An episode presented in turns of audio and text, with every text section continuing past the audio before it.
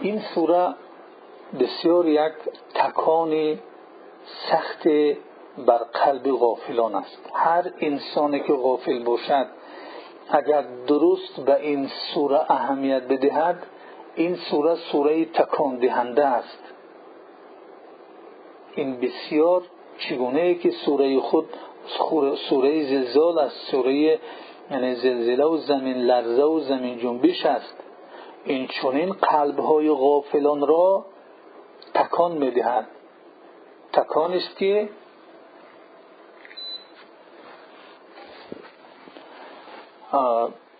هم موضوع این صورت چنون تکان دهنده است و خود مشهد رو که این صورت بیان می‌کند تکان دهنده است و الفاظ و کلماتی که در اینجا استفاده شدند اینها هم تکان دهنده هستند. بسیار یک فریاد قوی است که هم زمین را بلرزه می درآورد و هم کسان و چیزهایی که بر بالای زمین هستند. و وقتی که آنها از این تکان دادن از این فریاد به هوش میآیند خود را روبروی حساب روبروی ترازو و میزان روبروی جزا می‌بینند. همه اینها در چند آیت چند جملات کوتاه تصویر شده است. و در حقیقت این صورت بیانگر یک نمونه و تمثیل قوی به طبیعت این جزئی که ذکر کردیم می باشد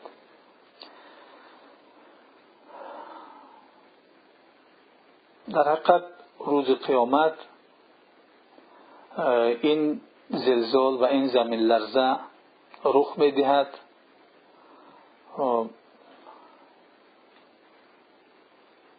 و همه دهشتی که در آن زمین لرزه هست در یگان زمین لرزه دیگر انسان آن را ندیده بود.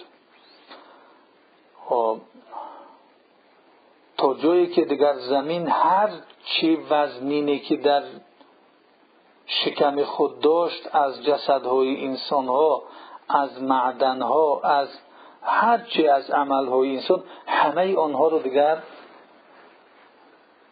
بیرون می اندازد آنها رو مدتهای طولانی در درون خود نگاه می داشت این جسدها را. این معدنها را و این چیزهای دیگر را که خدا دانا هست در درون آن زمین وجود داشتند در تاریخ طویل مدتهای بسیار طولانی ولی در این روز آنها همه در بیرون خواهند انداخته شد. گویا اینکه خود را از این وزنینی ها سبک می کند که این وزنینی ها را مدت های طولانی در خود می برداشت خب، در حقیقت چگونه که گفتیم این سوره حتی کسانی که این سوره را می‌خوانند و این سوره را میشنوند آنها را نیز یک تکان می‌دهد. و آنها هم در برابر این لرزش زمین تکان خوردن زمین میل کردن زمین آنها هم تکان می‌خورند آنها هم میل می‌کنند. زیرا که از زیر پایهای آنهاست که زمین بلرزه می آید و به این طرف و آن طرف حرکت می کند این یک مشهدی است که قلب های انسان را از جای خود می کند و انسان دیگر در روی زمین می خواهد به هر چیزی که در پیش دستش بیاد به آن دست بزند تا اینکه خود را نجات بدهد. و گمان می کند که آن چیزی که میدارد آن را با دستش میقپد آن دیگر یک چیز استوار است که باقی مانده است ولی چنین نیست.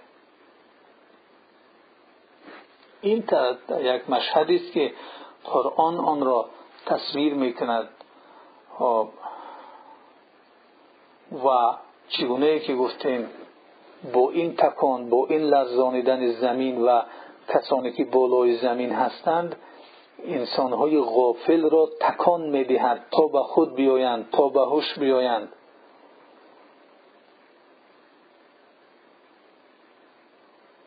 و وقتی که باز در برابر این تصویر در این حالت انسان را ذکر می‌کند که انسان در این حالت و قال الانسان ما لها. این انسان در این حالت این مشهد رو باز روشنتر و دهشتی آن رو بیانتر و خوبتر معلوم می‌کند که چون این مشهد رو انسان می‌بیند یک انسانی که دیگر قریب که از هوش رفته است. یک چیزی را می‌بیند که هرگز چنین ندیده بود. این چیز را درک نمی‌کرد و در برابر آن صبر کرده نمی‌تواند حتی سکوت هم کرده نمی‌تواند که سوال می‌شد که ماله سوال می‌کرد که به این چی شده است؟ چی چیز است که آن را چنین تکان می‌دهد و چنین آنها را زمین را به این طرف و آن طرف میل می‌دهد؟ به این زمین چی رسیده است؟ گویا اینکه انسان در روی زمین در همان صورتی که زمین لرزیده ایستاده است تکان می‌خورد به این طرف و آن طرف انسان هم این تکان را می‌خورد و این سوال را می‌دهد. دیگر خود را نمی‌توند داشته این دهشت و این وحشت را این سختی را می‌بیند و سوال میتید که به این زمین چی شده است. انسان در روی زمین دیده بود. بسیار زمین لرزه ها را بسیار برکان ها را دیده بود پیش از این. شنیده بود تصویری آنها را دیده بود. خب. ولی آن چیزی را که در اینجا می‌بیند این از آن چیزهایی که پیش دیده بود از زمین لرزه و از برکان ها که در آن هم ترس و وهم بود. در آن هم هلاک و ویرانی ها بود. لیکن وقتی که این زمین لرزه روز قیامت را می‌بیند تصور می‌کند برای او یقین میگردد که این زمین لرزه با آن زمین لرزه ها ماننده ندارد.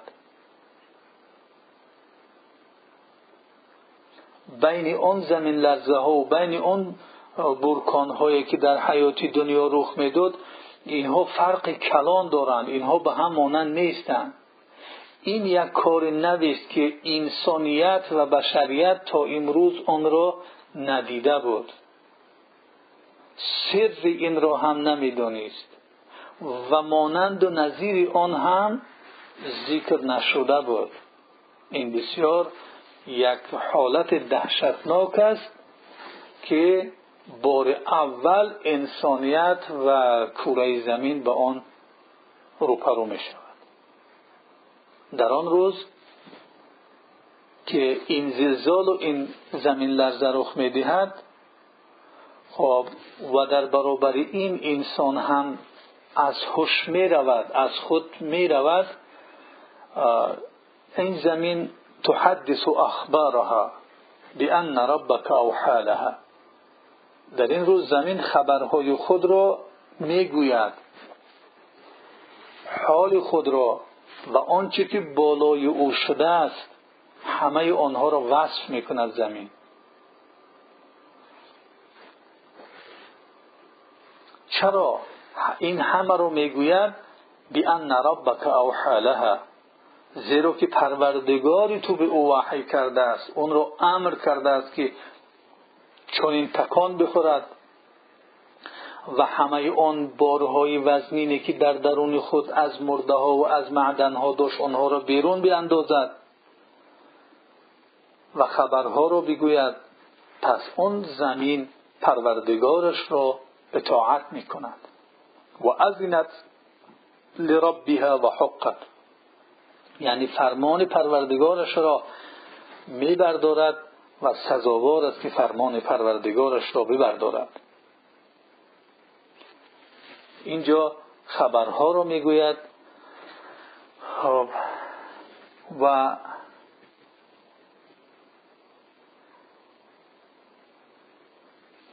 این چگونه که گفتیم در نتیجه امر الله سبحانه و تعالی به زمین است. در اینجا انسانی که در یک حالت ترس و دهشت و وهم و خوف و حراس می باشد و در یک حالت استراب قرار دارد. قریب که دیگر به زور نفسهای خود را می تواند که بگیرد چون این سوال می‌کرد که ما لها ما لها به این زمین چی شده است؟ به این زمین چی رخ داده است؟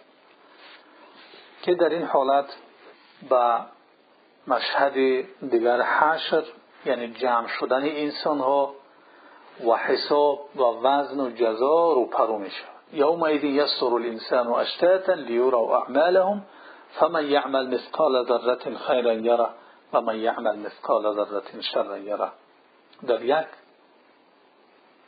چشم زدن در یک مژده زدن مشهد قیامت را می‌بیند. از قبر به قیامت و یعنی در یک آن کوتاه این چیز رخ می‌دهد.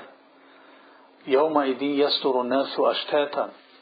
ما می‌بینیم که این مشهد اونها را که مردم گروه گروه از همه اطراف زمین جمع می‌شوند کانهم جراد و منتشر گویا اینکه آنها ملخهای منتشر و پریشان می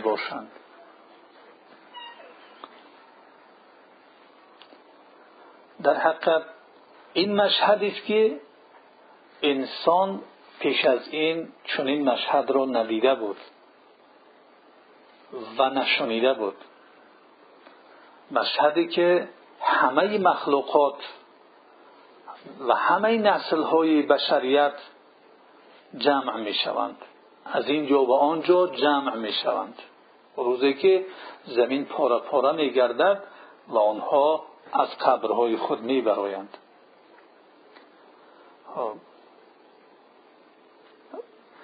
و آنها دیگر به یگان طرف میل نمی کنند به یگان طرف نظر نمی کنند نه به پشت خود نه به اطراف خود بلکه با سرخم با چشم هایی که نگران هست آنها حاضر می شوند لکل امرئ منهم یومئذ شأن یغنی. هر یک انسانی از آنها در این روز کار دارد که او را مشغول می سازد این بسیار مشهد دهشتناک است که یگان کلمه نمی‌تواند آن را وصف بکند. یعنی بسیار بیمناک ترسناک دهشتناک حولناک همه این کلمه ها نمی‌توانند آن وصف آن روز را بکنند. که اون همه اینهایی که میگیم اینها یک صفت است که از این بالاتر از اون دهشت روزی قیامت و اون چیزی که رخ می‌دهد و مردم گروه گروه همه نسل های بشریت جمع می شوند یومئذ یستر و اشتات امروز مردم گروه گروه برانگیخته می شوند لیورا اعمالهم تا عملهای خود را ببینند. و این سختتر و دهشتناکتر است که اینها عملهای خود رو می‌بینند. آن کاری را که انجام دادند آنها به بیهوده نرفته است. همه آنها ثبت گشته است. همه آنها همه آنها در نامه اعمالشان ذکر گردیده است. و برای انسان بسیار و بسیار سخت است. وقتی که می‌بیند که عمل او در پیشش میآید یا عمل او نوشته شده است او را تذکر می‌دهند به کاری که انجام داده است. چگونه ای که اون حدیث را ذکر کردیم همه خود را ملامت می‌کنند. زیرا که عملها را در پیش خود می‌بینند.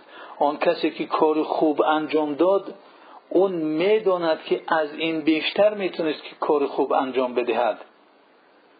از این رو خود را ملامت می‌کند که چرا بیشتر نکردم و آن کسی که کار خوب نکرد بلکه کار بد انجام داد اون کس می‌داند که اون هم شرایط داشت که کار بد انجام ندهد و کار خوب انجام بدهد. ولی این کار را نکرد. اون هم پشیمان است و خود را ملامت می‌کند. برای این اگر این عمل ها به پیش آنها پیشکش نمی‌شد این برایشان آسانتر بود.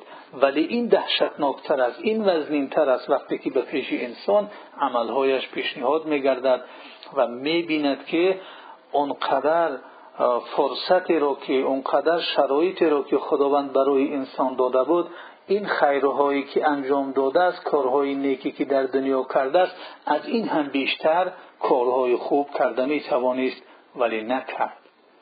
و اون دیگر چون کار شر کار بد انجام داده است یعنی می‌داند که می‌تونست که از این کارهای بد دست بکشد و به این کارها نزدیک نشود و تنها کارهای نیک در حیات خود انجام بدهد.